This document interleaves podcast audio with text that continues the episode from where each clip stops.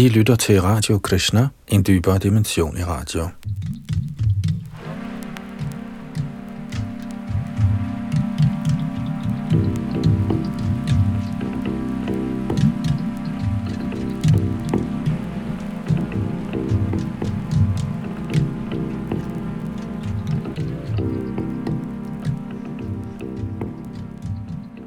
I vores gennemgang af Shri Chaitanya Charitamrits Adi Lila er vi i gang med femte kapitel, der handler om Nityanandas herligheder. Nityananda, som var en af de guddommeligheder, der nedsteg på jorden her for 500 år siden sammen med Chaitanya Mahaprabhu, er identisk med Shri Baladeva, Krishnas første udvidelse i den åndelige verden. Det bliver der så gjort redde for i det her kapitel, og sidste gang, der nåede vi frem til og med 22. tekst, som er et citat fra Brahma Samhitas, også 5. kapitel. Et kendt vers, der går Chintamani prakrasadama sukalpa vriksha lakshabriteshu surabhira viparayantam Lakshmi sahasra shata sambrama sevyamanan Govindamari purushang tamahang vajami hvilket betyder, jeg tilbeder Govinda, den første herre, den oprindelige forfader, der passer køer, som opfylder alle ønsker i omgivelser bygget med åndelige ædelsten og omkranset af millioner af ønskeopfyldende træer. Han bliver hele tiden tjent med stor ærefrygt, og hengivenhed er i hundreder og tusinder af lykkegudiner. Og vi nåede et stykke ind i den meget lange kommentar til det her vers sidste gang og vi fortsætter der, hvor vi slap. Her vælger Srila Prabhupada at beskrive den åndelige verden, Vaikuntha. Vi skal fortsætte i den beskrivelse. Bag mikrofon og teknik sidder Yadunandan Das.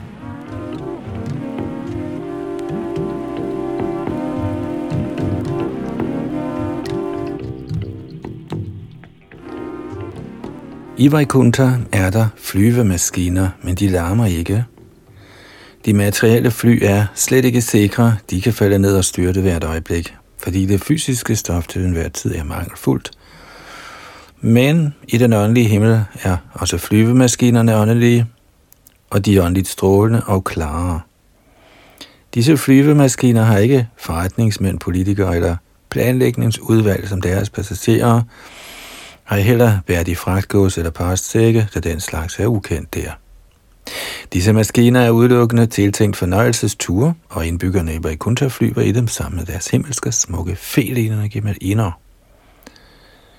Disse flyvemaskiner, der er fulde af Vaikunthas, både mandlige og kvindelige indbyggere, forøger således den åndelige himmels skønhed.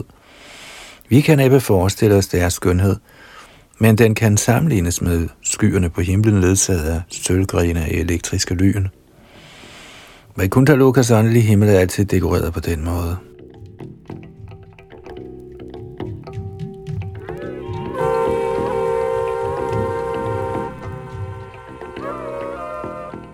Den fulde overdådighed af Guds indre energi stråler altid i Vaikuntha Lok, hvor lykkegudinderne i konstant stigende grad tiltrækkes af tjenesten til guddommens persons lotusfødder.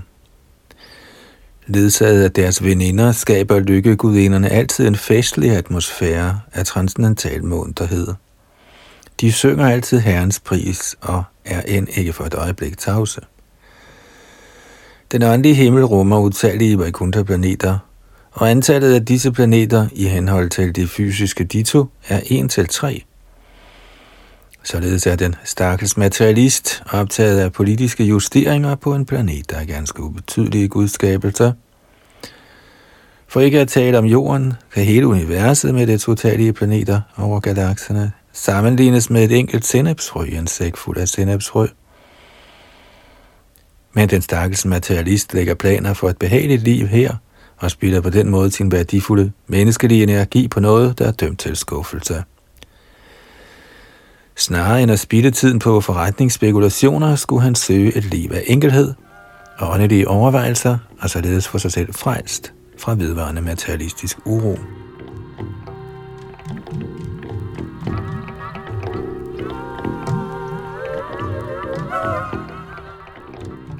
Skulle en materialist ønske at nyde udviklede materielle faciliteter, kan han få sig selv overflyttet til planeter, hvor han kan erfare fysiske glæder, der langt overgår dem, jorden kan tilbyde.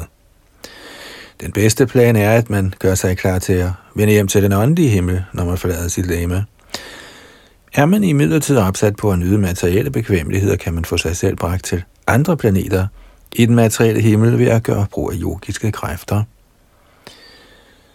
Astronauternes kode rumskibe er blot barnlig underholdning og er ubrugelige til dette formål. Systemet af Ashtanga Yoga er en materiel kunst til kontrol af livsluften, der flyttes fra maven til navlen, og herfra til hjertet, og så til kravebenet, og herfra til øje, æblerne, og fra disse til isen, og fra isen til en hvilken som helst planet, man måtte ønske. Luftens og lysets hastigheder bliver taget i betragtning af den materielle forsker, men han mangler viden om senets og intelligensens hastigheder.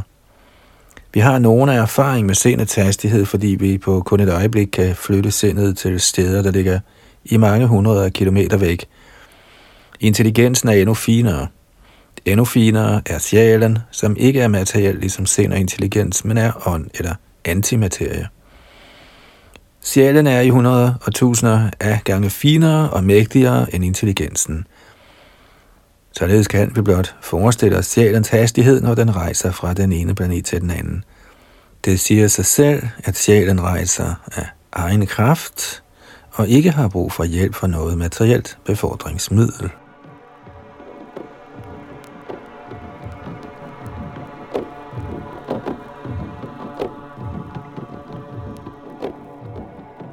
Froteriets, søvnens, frygtens og sansenydelsens bestialske civilisation har vildledt det moderne menneske til at glemme, hvor magtfuld en sjæl det har.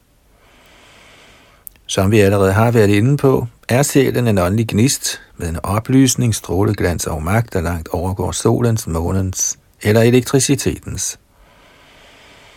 Menneskelivet spoleres, når mennesket ikke kommer til erkendelse af sin rigtige identitet med sjælen – Herren Chaitanya nedsteg sammen med Herren Nityananda for at frelse mennesket fra denne type vildledende civilisation.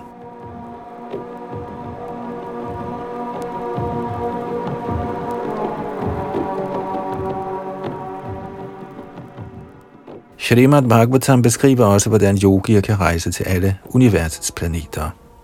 Når livsluften hæves til isen, er der risiko for, at denne kraft kan trænge ud gennem øjnene, næsen, ørerne osv., eftersom disse steder kendes som livsluftens syvende bane. Men yogierne kan blokere disse huller ved en total stansning af luft. Yogien samler herefter livsluften i den midterste position, hvilket vil sige mellem øjenbrynene. I den position kan yogien tænke på den planet, han gerne vil komme til efter at have forladt kroppen. Her kan han så beslutte, om han vil komme til Krishna i det transcendentale Vaikuntha, hvorfra han ikke behøver at stige ned til den fysiske verden, eller også komme til højere planeter i det materielle univers. Det står den fuldt færdige yogi frit at tage enten det ene eller det andet sted hen.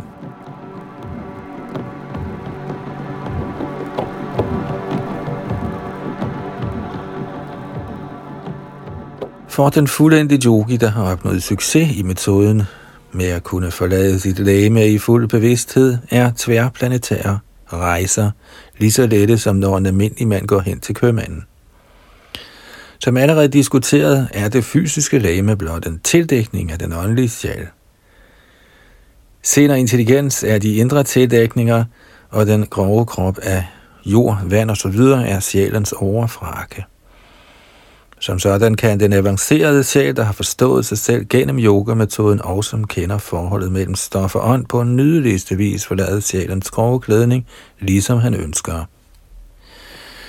Ved Guds nåde har vi komplet frihed, fordi Herren er venlig mod os, kan vi bo hvor som helst, enten i den åndelige eller materielle himmel på en hvilken som helst planet, vi måtte begære. I midlertid får misbrug af denne frihed ind til at falde ned i den materielle verden og lide det betingede livs trefoldige kvaler. Den materielle verdens elendige liv på baggrund af sjælens valg bliver fint skildret af Milton i Det tabte paradis. Ligeledes kan sjælen ved sit eget valg genvinde sit tabte paradis og vende hjem til Gud igen.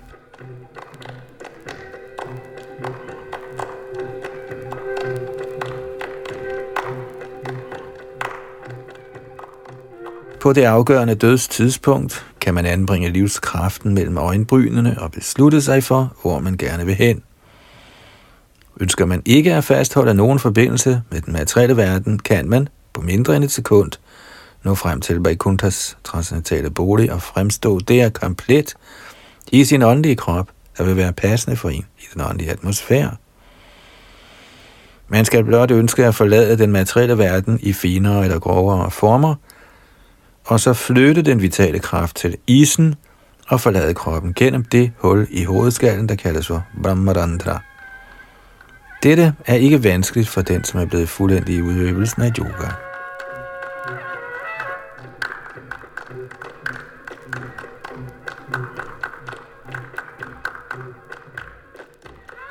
Selvfølgelig er mennesket udstyret med fri vilje, og som sådan kan det, så frem det ikke ønsker at gøre sig fri af den materielle verden, nyde livet i Brahmapad, i stillingen som Brahma, og besøge Siddhalok, som er de materielt fuldendte levende væseners planeter, hvor man har fuld kraft til at beherske tyngdeloven, rummet og tiden.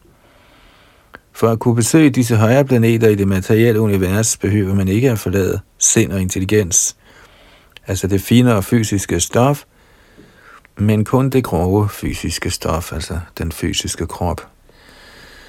Hver planet har sin særlige atmosfære, og ønsker man at komme til en bestemt planet i det materielle kosmos, må man tilpasse kroppen til de klimatiske forhold, der hersker der. Ønsker man for eksempel at tage fra Indien til Europa, der har et anderledes klima, må man klæde sig tilsvarende. Ligeledes er et komplet lægemskifte påkrævet, hvis man gerne vil komme til Vaikuntas transcendentale planeter – men hvis man ønsker at nå de højere materielle planeter, kan man beholde sin finere påklædning i skikkelse af sind, intelligens og ego, men man må forlade sin grove påklædning eller krop, bestående af jord, vand, ild osv. Når man kommer til den transcendental planet, må man udskifte både de fine og grove kroppe, eftersom man kun helt kan nå til den åndelige himmel i en åndelig form. Denne udskiftning af tøj finder sted automatisk ved tiden for døden, skulle man så ønske.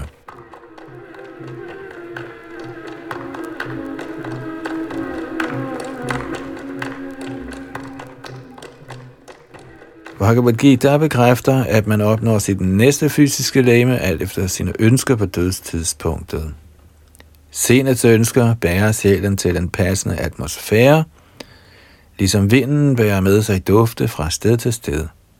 Desværre er de, som ikke er yogier, men snarere plumpe materialister, der livet igennem dyrker sansenydelse, uforstående over for kroppens og sindets forvirring på tidspunktet for døden. Tynget af de tanker, begær og forhold, der har præget deres liv, ønsker sådanne grove materialister et eller andet, der strider imod deres egne interesser, og således påtager de sig på tåbelig vis ny kroppe, der forlænger deres materielle sover i det uendelige. Systematisk træning af sind og intelligens er derfor påkrævet, således at man på dødstidspunktet bevidst kan ønske at få en passende krop, enten her på planeten, på en anden fysisk planet eller sågar på en transcendental planet. En civilisation, der ikke tager den udødelige sjæls gradvise fremskridt i betragtningen, fremmer kun et bestialsk liv af uvidenhed.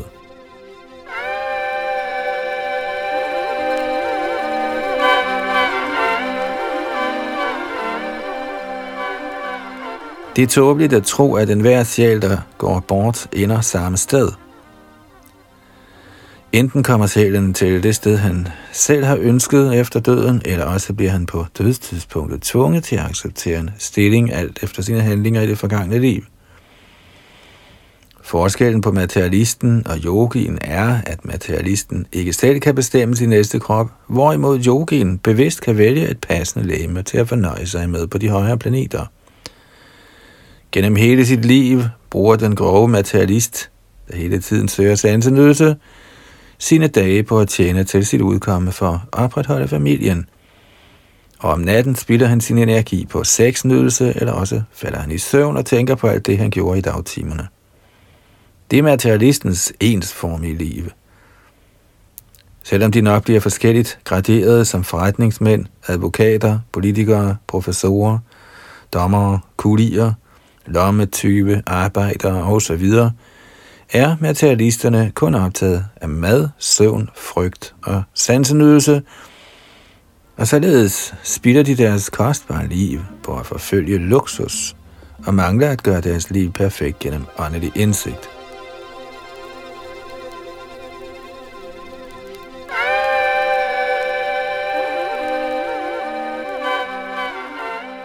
I midlertid forsøger yogierne netop at gøre deres liv perfekt, og derfor indskærper Bhagavad Gita, at enhver må blive til en yogi. Yoga er metoden, hvormed sjælen kan lænke sammen i Herrens tjeneste. Kun under højere vejledning kan man praktisere sådan yoga i sit liv, uden at skulle ændre sin samfundsmæssige stilling. Som før sagt, kan yogien tage hvor som helst hen, han måtte ønske, uden mekanisk hjælp – da yogien er i stand til at anbringe sind og intelligens inden i den luft, der bevæger sig i hans krop. Og gennem at praktisere kunsten af åndedrætskontrol, kan han sammenblande den luft med den luft, der blæser over universet, uden for hans krop. Hjulpet af denne kosmiske luft, kan yogien rejse til en hvilken som helst planet og få en krop, der passer til netop den atmosfære. Vi kan forstå dette ved at sammenligne det med en elektronisk radioudsendelse. Med radiosendere kan lydbølger, der bliver frembragt på en bestemt radiostation, bevæge sig over jorden på sekunder. Men lyd bliver frembragt af den eteriske himmel, og som før forklaret er sindet finere end aderen, og finere end sindet er intelligensen. Ånden er endnu finere end intelligensen, og af natur adskiller den sig helt fra det fysiske stof. Således kan vi blot forestille os, hvor hurtigt den åndelige sjæl kan bevæge sig igennem den kosmiske atmosfære.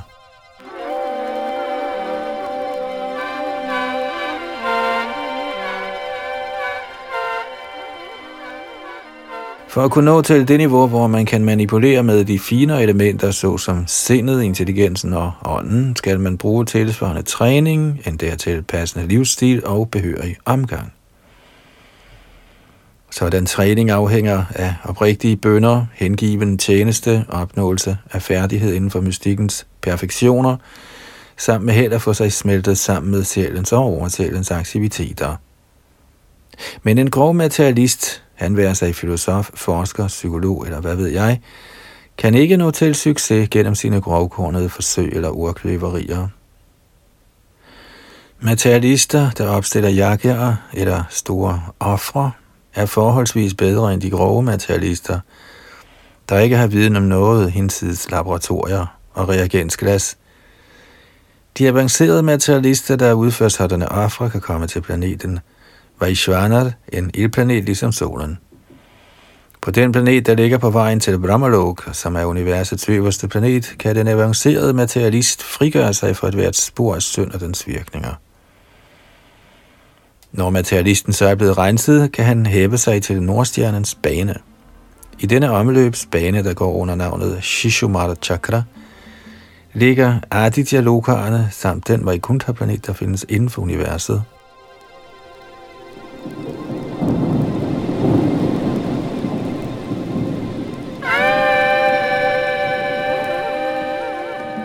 En renset materialist, der har udført mange ofre, dyrket meget og som har givet hoveddelen af sin rigdom i godgørenhed, kan nå sådanne planeter som Druvalok.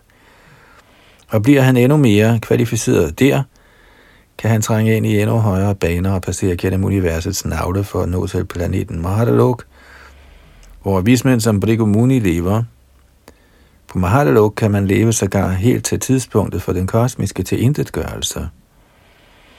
Denne tilintetgørelse begynder, når Ananta Dev fra universets laveste beliggenhed frembringer en kraftig, rensende ild. Heden fra denne ild når sågar helt op til Mahadalok, hvorved Mahadaloks indbyggere rejser til Brahmalok, der eksisterer et tidsrum, der svarer til to gange varigheden af Bharatat tid.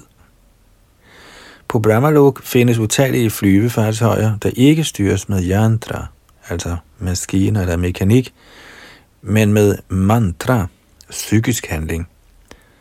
På grund af sindets og intelligensens eksistens på Brahmalok føler dens indbyggere lykke og sorg, men der er ingen sorg over alderdom, død, frygt eller lidelse.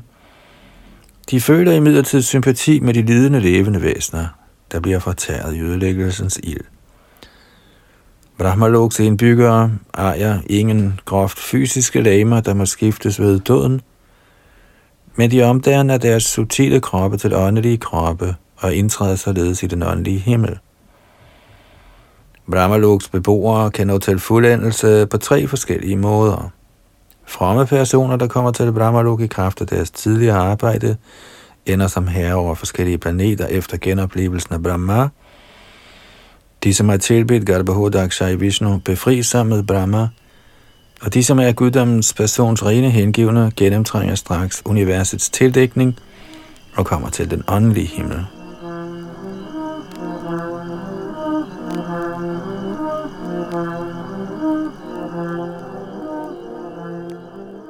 De utallige universer eksisterer ligesom klynger af skum, og således er det kun nogle af dem, som er omgivet af årsagshavets vandmasser. Når den materielle natur sættes i bevægelse af Kardanodakshai i Vishnus blik, frembringer den de samlede elementer i et antal af otte, som gradvist udvikler sig fra finere til grovere. En del af egoet er himlen, en del af hvilken er luft, en del af hvilken er ild, en del af hvilken er vand, en del af hvilket er jord.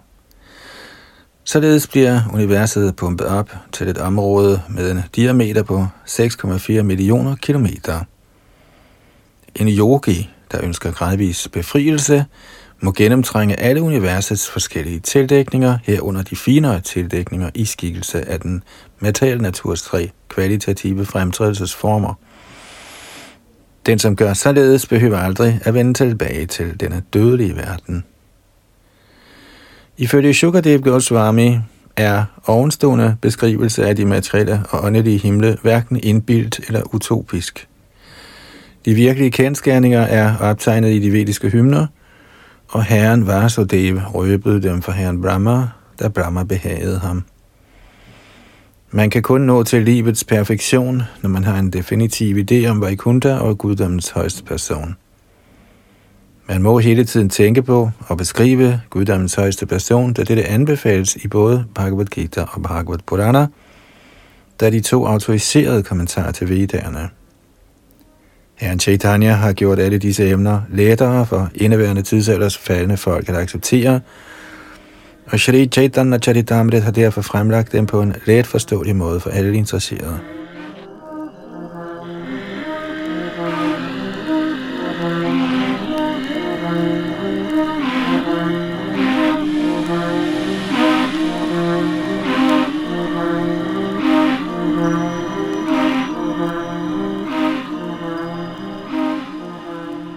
Chaitanya Charitamrit, Adi Lila, 5. kapitel, Herren i Jananda Balarams herligheder, tekst 23-28. Og vi tager det første bengalske vers, og i øvrigt den danske oversættelse. Mutra dvaro kaya prakashya, nana rupe vilasaye chaturvyoha hoinya, Herren Krishna viser sin egen form i Mathura og Dvaraka. Han nyder tidsfordriv på forskellige måder ved at lade sig udvide til de fire dobbelte former. Vasudev, Sankarshana, Pradyumna og Aniruddha er de primære fire dobbelte former, hvorfra alle de andre fire dobbelte former kommer. De er alle sammen rent transcendentale. Kun på disse tre steder, altså Dvaraka, Mathura og Gokul, opfører den altid mundre herre, Krishna, sine endeløse lege sammen med sine personlige omgangsfælder. På den åndelige himmels Vaikuntha-planeter udviser herren sin identitet som Narayan og fornøjer sig på forskellig vis. Krishnas egen form har kun to hænder, men i skikkelse af herren Narayan har han fire hænder. Herren Narayan holder en konkylie, en diskos, en kølle og en lotusblomst. Og han er fuld af stor rigdom. Energierne Shri, Bhu og Nila tjener hans lotusfødder. Kommentar I Ramanujas og Madhvas Vaishnav-sekter er der udtømmende beskrivelser af energierne Shri, Bhu og Nila. I Bengalen kaldes Nila-energien under tiden for Lila-energien. Disse tre energier er engageret i tjeneste til den firearmede Narayana i Vaikuntha.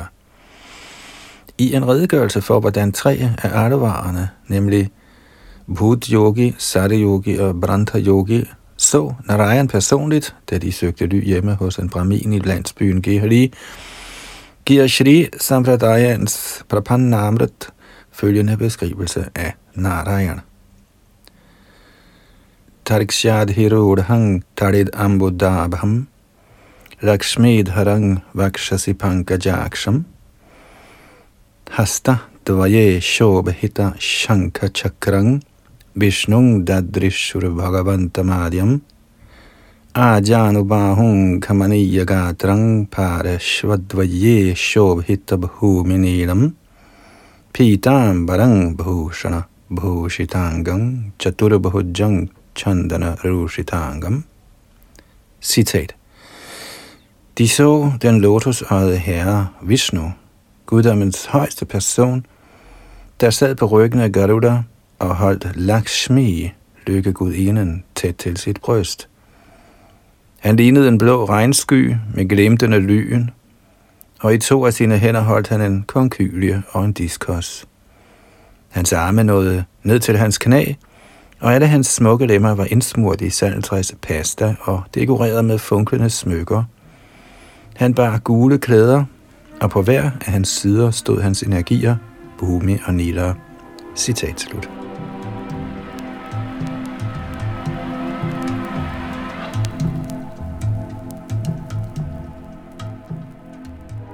Man finder følgende henvisning til energierne Shri, Bhu og Nila i Sita Upanishad. महालक्ष्मीर देवेशस्य भिन्ना भिन्न रूप चेतना चेतनात्मिका। स देवी त्रिविधा भवति शक्त्यात्मना, इच्छा शक्ति क्रिया शक्ति, साक्षात शक्तिरिति। इच्छा शक्ति त्रिविधा भवति श्री भूमि नीलात्मिका सीथेर Mahalakshmi, herrens højeste energi, erfares på forskellige måder. Hun inddeles i materielle og åndelige aspekter, og i begge disse aspekter handler hun som viljens energi, den skabende energi og den indre energi. Viljens energi bliver igen inddelt i tre, nemlig Shri, Bhu og Nila. Citat slut.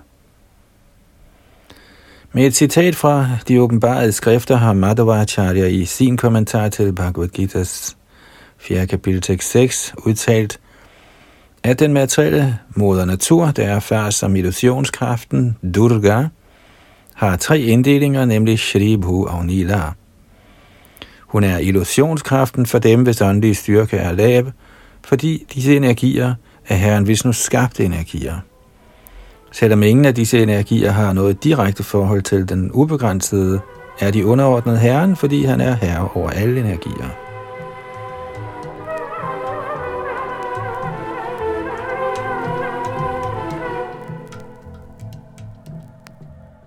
I sin Bhagavad Sandarbha tekst 23 udtaler Jeev Goswami Prabhu, og jeg citerer, Padma Purana henviser til guddommens for evigt lyksalige bolig, der er fuld af al overdådighed herunder energierne Sharibhu og Nila.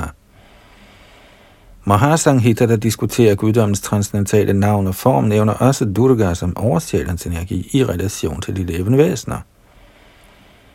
Den indre energi handler i relation til hans personlige anlægner, og den materielle energi manifesterer de tre fremtrædelsesformer. Citat slut. Med et andet citat fra de åbenbarede skrifter siger han, at Shri er den af guddommens energier, der opretholder den kosmiske manifestation. Bhu er den energi, der skaber den kosmiske manifestation, og Nila eller Durga er den energi, der ødelægger skabelsen. Alle disse energier handler i relation til de levende væsener, og således kaldes de samlet for Jiva Maya.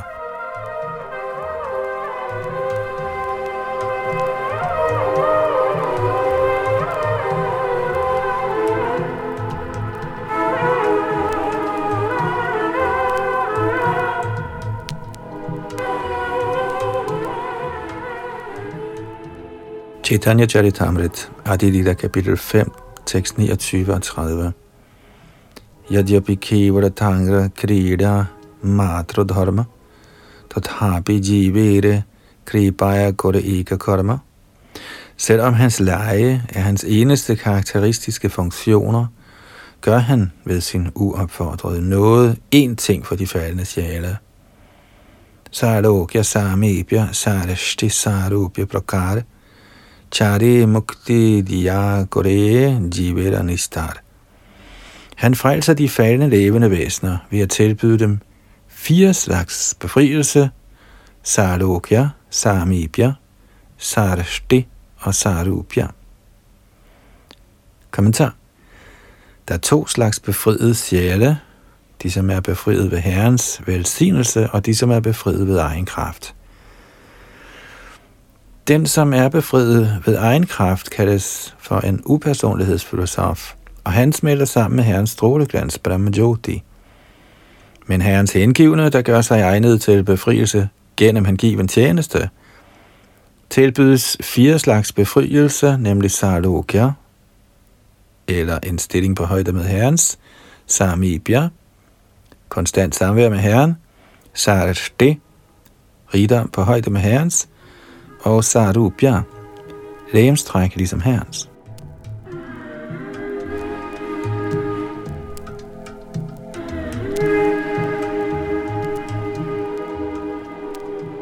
Chaitanya Charitamrit, Adilila kapitel 5, tekst 31-34. Brahma sayuja mukti ratahana hegoti, Vaikunta bahire høj, tasubara sthiti, de, som opnår Brahmasayuja befrielse, kan ikke få adgang til Vaikuntha. Deres residens er uden for Vaikuntha-planeterne.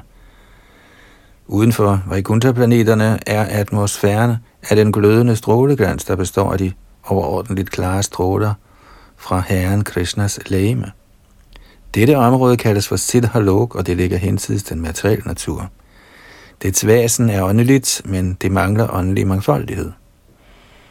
Det kan sammenlignes med stråleglansen omkring solen, men inde i solen er der vågne heste og solgudens overdådighed.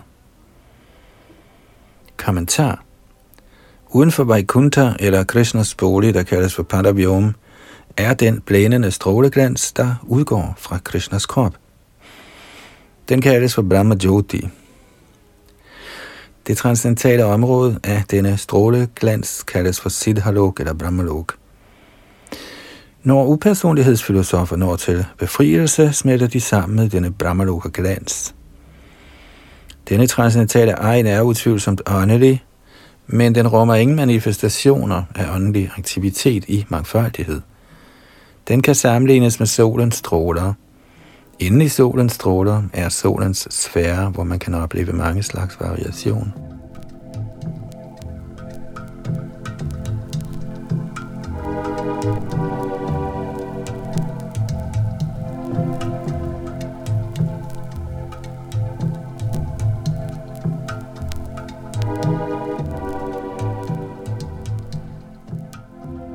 Chaitanya Charitamrit, Adi Lita, 5. kapitel, Herre Nityananda Balarams herligheder, tekst 35. Kamad dveshad bhayat snehad yatha bhaktishware manaha aveshya taraghang hitva bahavas tadgating.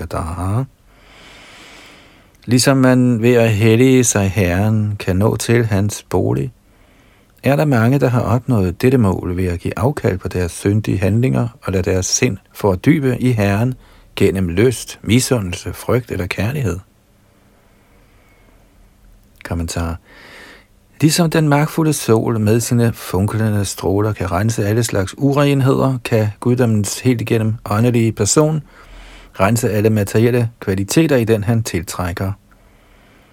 Selvom man lokkes af Gud i stemningen af materiel lyst, bliver den tiltrækning omdannet til åndelig gudskærlighed ved hans nåde. Og er man relateret til Herren i frygt eller fjendskab, bliver man ligeledes renset ved den åndelige tiltrækning til Herren. Selvom Herren er stor og det levende væsen lille, er de åndelige individer, Så lige så snart der sker en gensidig udveksling ved det levende væsens fri vilje, tiltrækker det store levende væsen øjeblikkeligt det lille levende væsen, der således bliver fri for alt materiel trældom. Dette er et vers fra Srimad Bhagavatam 7. bog, 1. kapitel, tekst 30.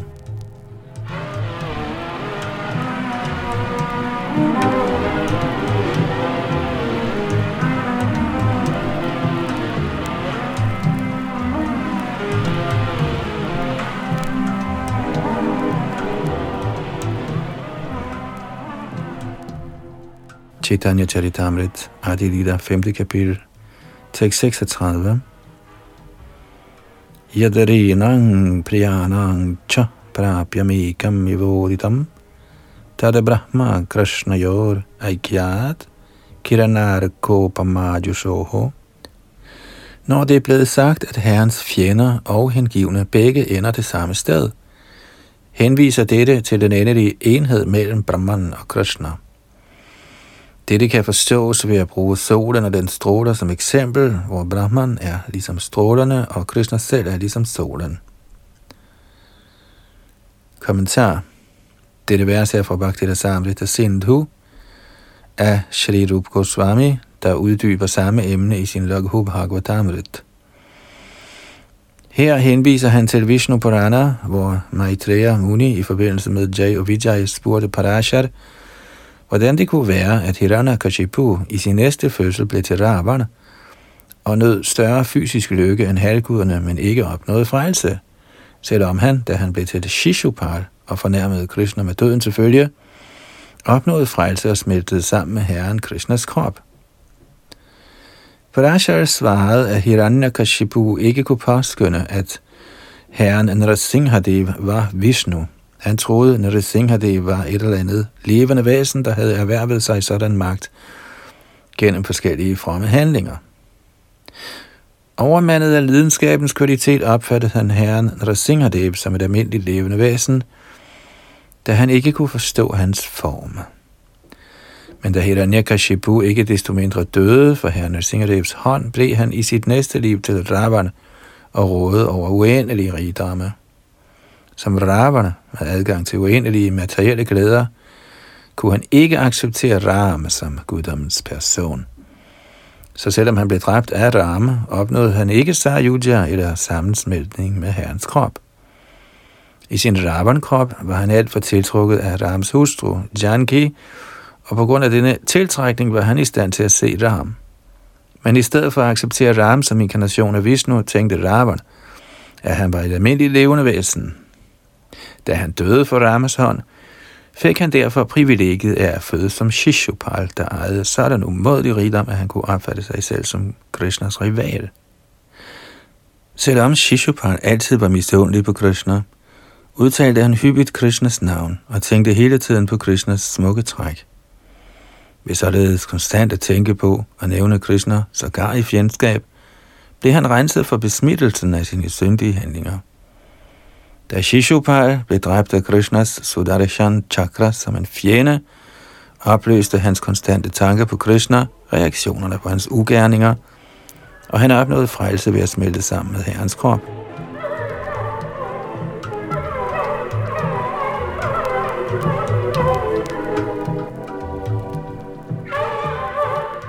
Ud fra denne hændelse kan vi forstå, at selv den, som tænker på Krishna som sin fjende og bliver dræbt af ham, kan udfries ved at blive til et med Krishnas krop. Hvad må da ikke være destinationen for de hengivne, der altid tænker imødekommende på Krishna som deres herre og ven? Disse hengivne må nå til et sted, der er bedre end Brahmalok, Krishnas upersonlige stråler. De hengivne kan ikke ende i den upersonlige Brahman-glans, med hvilken upersonlighedsfilosoferne ønsker at fusionere. De hengivne kommer til Vaikuntha-lok eller Krishna-lok.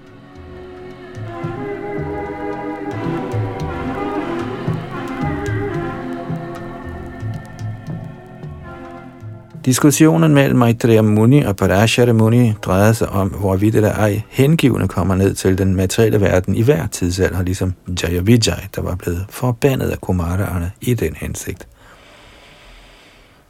I løbet af disse instruktioner til Maitreya om Hiranyakashipu, Ravan og Shishupala, sagde Parashara ikke, at disse dæmoner tidligere havde været Jayavijay. Han beskrev blot sjælevandringen gennem tre liv. Det er ikke nødvendigt, at Guddoms højeste persons omgangsfælder i Vaikuntha kommer ned for at spille roller, som hans fjender i alle de tidsalder, han viser sig. Jayavijays såkaldte fald skete i en bestemt tidsalder.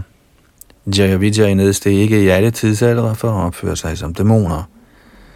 At tro, at nogle af herrens omgangsfælder falder fra Vaikuntha i hver tidsalder for at være dæmoner, er helt forkert.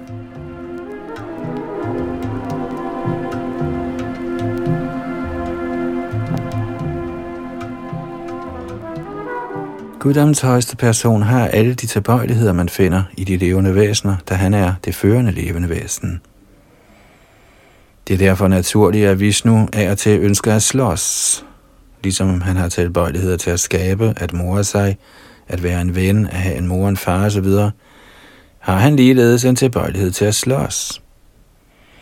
Man ser under tiden, at rige mænd og konger holder brydere med, hvem de arrangerer påtaget kampe, og Vishnu laver lignende arrangementer. De dæmoner, der slås med guddommens højeste person i den materielle verden, er samtidig hans omgangsfælder. Når der er mangel på dæmoner, og herren gerne vil slås, får han nogle af sine omgangsfælder fra Vaikuntha til at komme og spille dæmoner. Når det siges, at Shishupal smeltede sammen med Krishnas krop, skal det noteres, at han i det tilfælde ikke var Jay eller Vijay, han var faktisk en dæmon.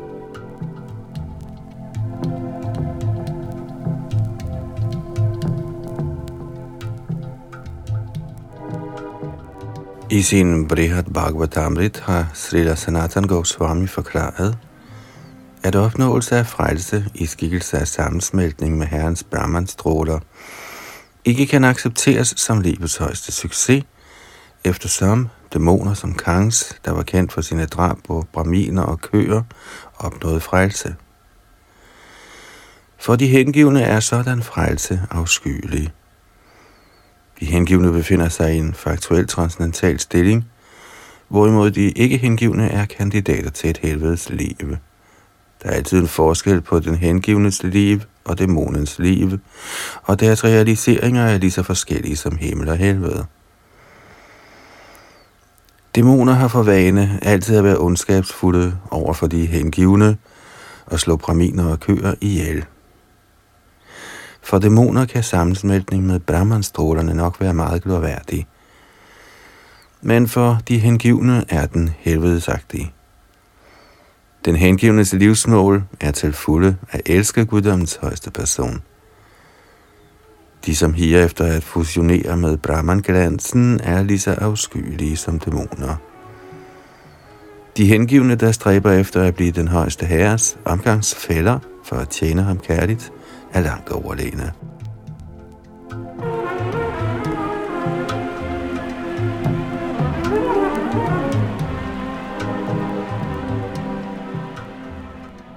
Chaitanya Charitamrit, Adilila, kapitel 5, tekst 37-39. Doiche porobyo menana chitchok tibiras, nirvishesho jyotire Bimbo Bahire Prakash. Således er der i den åndelige verden mangfoldigheder af lege i den åndelige energi. Uden for Vaikunthas planeter ses den upersonlige genspejling af lys.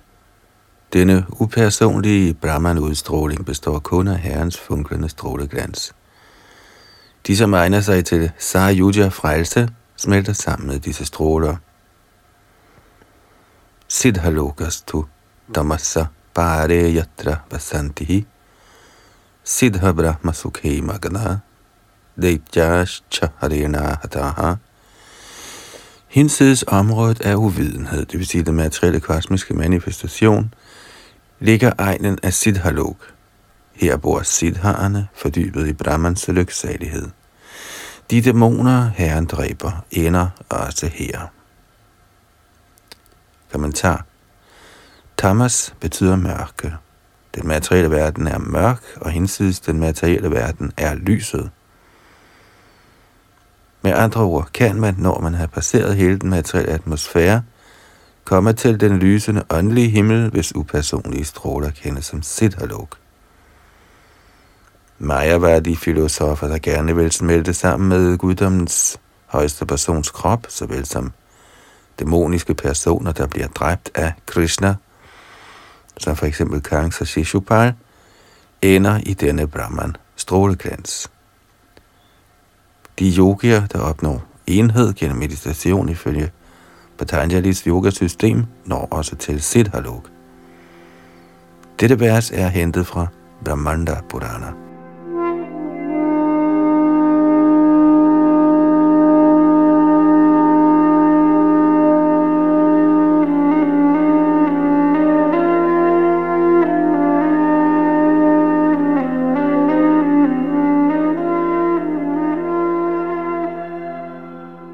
Chaitanya Charitamrit, Adi Lila, kapitel 5, tekst 40. Shei Parabhyome Narayanera Charipashi Dvarka Chaturvyuhera Dvitiya Prakashi I den åndelige himmel på hver af Narayans fire sider er udvidelserne af den anden af Dvarkas fire dobbelte udvidelser. Kommentar I den åndelige himmel findes en anden manifestation af Dvarkas firedobbelte udvidelser fra Krishnas bolig. Blandt disse former, der alle sammen er åndelige og immune over for de materielle fremtrædelsesformer, bliver Shri Baldev repræsenteret som Mahasankarashan. Den åndelige verdens aktiviteter kommer til udtryk ved den indre energi i ren åndelig eksistens. De udvider sig i seks transcendentale overdådigheder, der alle sammen er manifestationer af Mahasankarshan, der er det endelige reservoir og mål for alle levende væsener. Skøn del af den mellemliggende energi, kendt som Jiv Shakti, er de åndelige gnister, der kendes som de levende væsener, underlagt den materielle energis betingelser.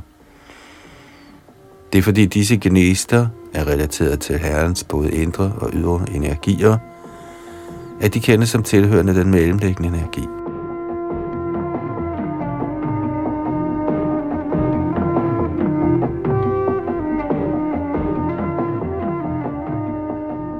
I deres analyse af guddommens absolute persons firedobbelte former, der kendes som Vasudev, Sankarshan, Pradyumna og Aniruddha, har upersonlighedsfortalerne med Shripad Shankaracharya i spidsen fortolket Vedanta Sutras aforismer på en måde, der passer til den upersonlige åndsretning. For imidlertid at få afdækket de indre betydninger af sådanne aforismer, har Shri Rup Goswami, som er leder af Vrindavans seks Goswamier, på korrekt vis besvaret upersonlighedsfilosoferne i sine Laghu Bhagavatamrit der er en naturlig kommentar til Vedanta Sutras aforismer. Padma Purana, som Rupa Goswami citerer den i sin Laghu Bhagavatamrit, beskriver, at der i den åndelige himmel er fire retninger, der svarer til øst, vest, nord og syd, hvor Vasudev Sankarshan, Aniruddha og Pradyumna befinder sig. De samme former befinder sig også i den materielle himmel, Padma Purana beskriver også et sted i den åndelige himmel, kendt som Vedavadipur, hvor Vasudev residerer. På Vishnu Lok, der er over Satyalok, residerer Sankarashan. Mahasankarashan er et andet navn for Sankarashan.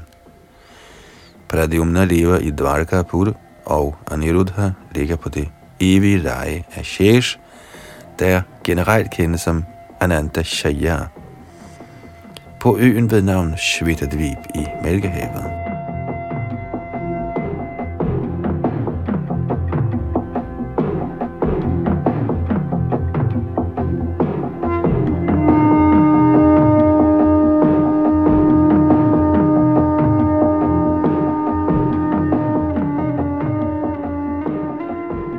Chaitanya Charitamrit Adi Lida, kapitel 5, Herren Nityananda Balarams herligheder. Tekst 41. Vasudeva Sankarashan Padumna Niruddha Ditya Choturabhyuha Eturiya Vishuddha Vasudev Sankarashan Pradyumna og Aniruddha udgør denne anden firedobbelte manifestation. De er rent transcendentale. Kommentar Shripad Sankaracharya har givet en vildledende forklaring på den firedobbelte form Chaturvyuha i sin fortolkning af den 42. 20. aforisme i andet kapitel af anden kanda i Vedanta Sutra. Utpatya Sambhavat. I versene fra 41 til og med 47 i dette kapitel af Shri Chaitanya Charitamrit har Srila Krishna Das Kaviraj Goswami besvaret Shripad Shankaracharyas vildledende indvendinger imod den absolute sandheds personlige aspekt. Guddommens højeste person, den absolute sandhed, er ikke ligesom en fysisk genstand, der kan kendes gennem eksperimental viden eller sanseopfattelse. I Narad Pancharatra har Narayan selv forklaret denne kendskærning for Shiva.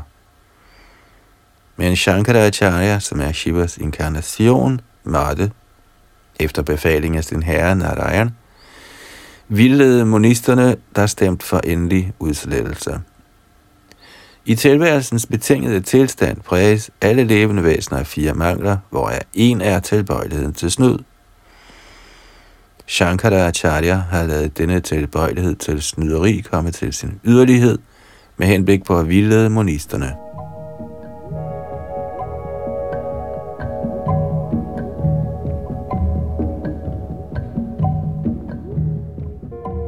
I virkeligheden kan forklaringen på de fire dobbelte former i den vediske litteratur ikke forstås gennem den betingede sjæls spekulationer. De fire dobbelte former skal derfor accepteres nøjagtigt, ligesom de bliver beskrevet. Vedernes autoritet er sådan, at man, selvom man måske ikke forstår et eller andet med sin begrænsede opfattelse, må acceptere de vediske bud og ikke komme med fortolkninger – til støtte for sin egen mangelfulde opfattelse. Men i sin Sharirak Bhasha har Sankaracharya forstærket monisternes misforståelse. De fire dobbelte former har en åndelig eksistens, der kan realiseres i Vasudev Sattva eller Shuddha Sattva, eller ubetinget godhed, der ledsager komplet fordybelse i forståelsen af Vasudev. De firedobbelte former, der er fulde af guddommens højeste persons seks overdådigheder, er nyderne af den indre energi. At tro, at guddommens absolute person er ramt af fattigdom eller blotte for energi, eller med andre ord kraftløs, er blot skurkagtighed. Denne skurkagtighed er den betingede sjæls profession, og den forøger hans uvidenhed. Den, som ikke kan forstå forskellen på den åndelige verden og den materielle verden, har ingen forudsætninger for at kunne undersøge eller forstå beskaffenheden af de fire dobbelte former. I sin kommentar til Vedanta Sutras anden bogs andet kapitel, teksterne 42-45, har hans hellighed Shripad Shankaracharya gjort et forgæves forsøg på at ophæve eksistensen af de fire dobbelte former i den åndelige verden.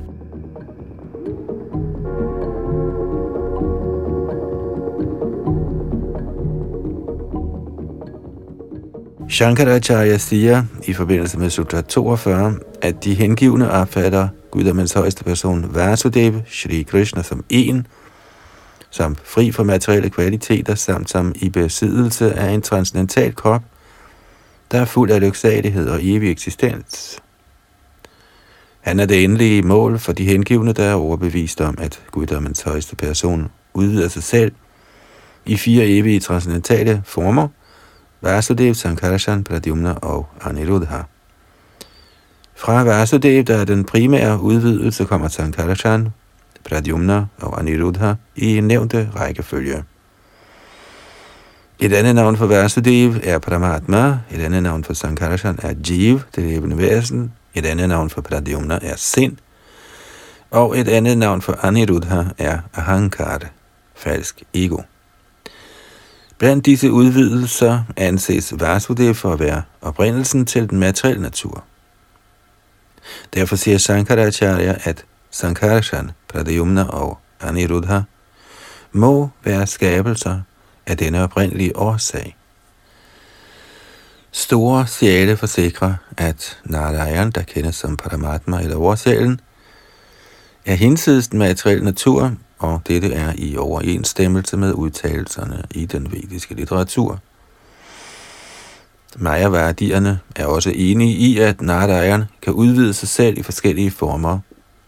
Shankara siger, at han ikke forsøger at angribe den del af de hengivnes forståelse, men at han må protestere imod den idé, at Sankarshan kommer fra Vasudev, Pradyumna kommer fra Sankarshan, og at Aniruddha kommer fra Pradyumna. For hvis Sankarshan forstås repræsenterer de levende væsener, der er skabt af Vasudevs krop, må de levende væsener nødvendigvis være ikke evige. De levende væsener bliver angiveligt fri for materiel besmittelse ved i lang tid at dyrke tempel, tilbedelse af guddommens højeste person, læse den vediske litteratur samt gennem yoga og fremme aktiviteter med henblik på at opnå den højeste herre. Men hvis de levende væsener blev skabt af den materielle natur på et bestemt tidspunkt, ville de være ikke evige og ville ikke have nogen chance for at blive befriet og omgås guddommens højeste person. Når en årsag bliver ophævet, bliver dens følgevirkninger ophævet. I andet kapitel af Vedanta Sutras anden kanda har Acharya Vedavyas også gendrevet den idé, at de levende væsener nogensinde er blevet født. Natma Shruddher Nityatva Chatavya fordi der ikke er nogen skabelse af de levende væsener, må de være evige.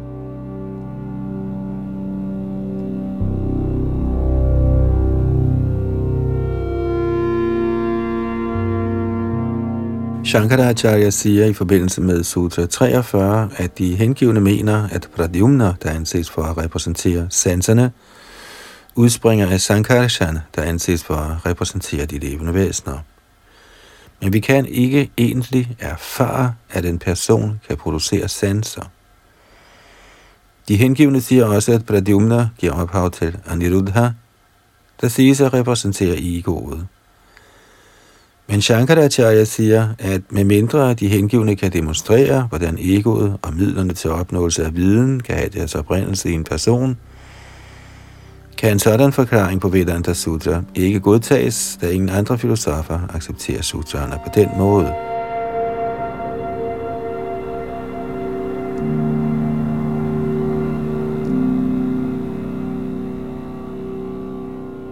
Desværre når vi ikke helt igennem denne forklaring, men må fortsætte med den i næste ombæring. Og vi er altså i gang med det femte kapitel i Chaitanya Charitamritas Adi Lila.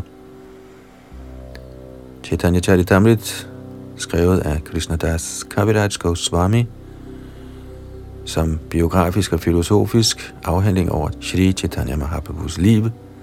Og Shri Chaitanya Mahaprabhu var en helgen, der i virkeligheden var Krishna selv, der inkarnerede sig som helgen, som hengiven, som tilbeder, for at smage sødmen i kærligheden til Gud oversat og kommenteret af Shalita Prabhupada, og så har vi fra de danske hengivne side oversat den til dansk.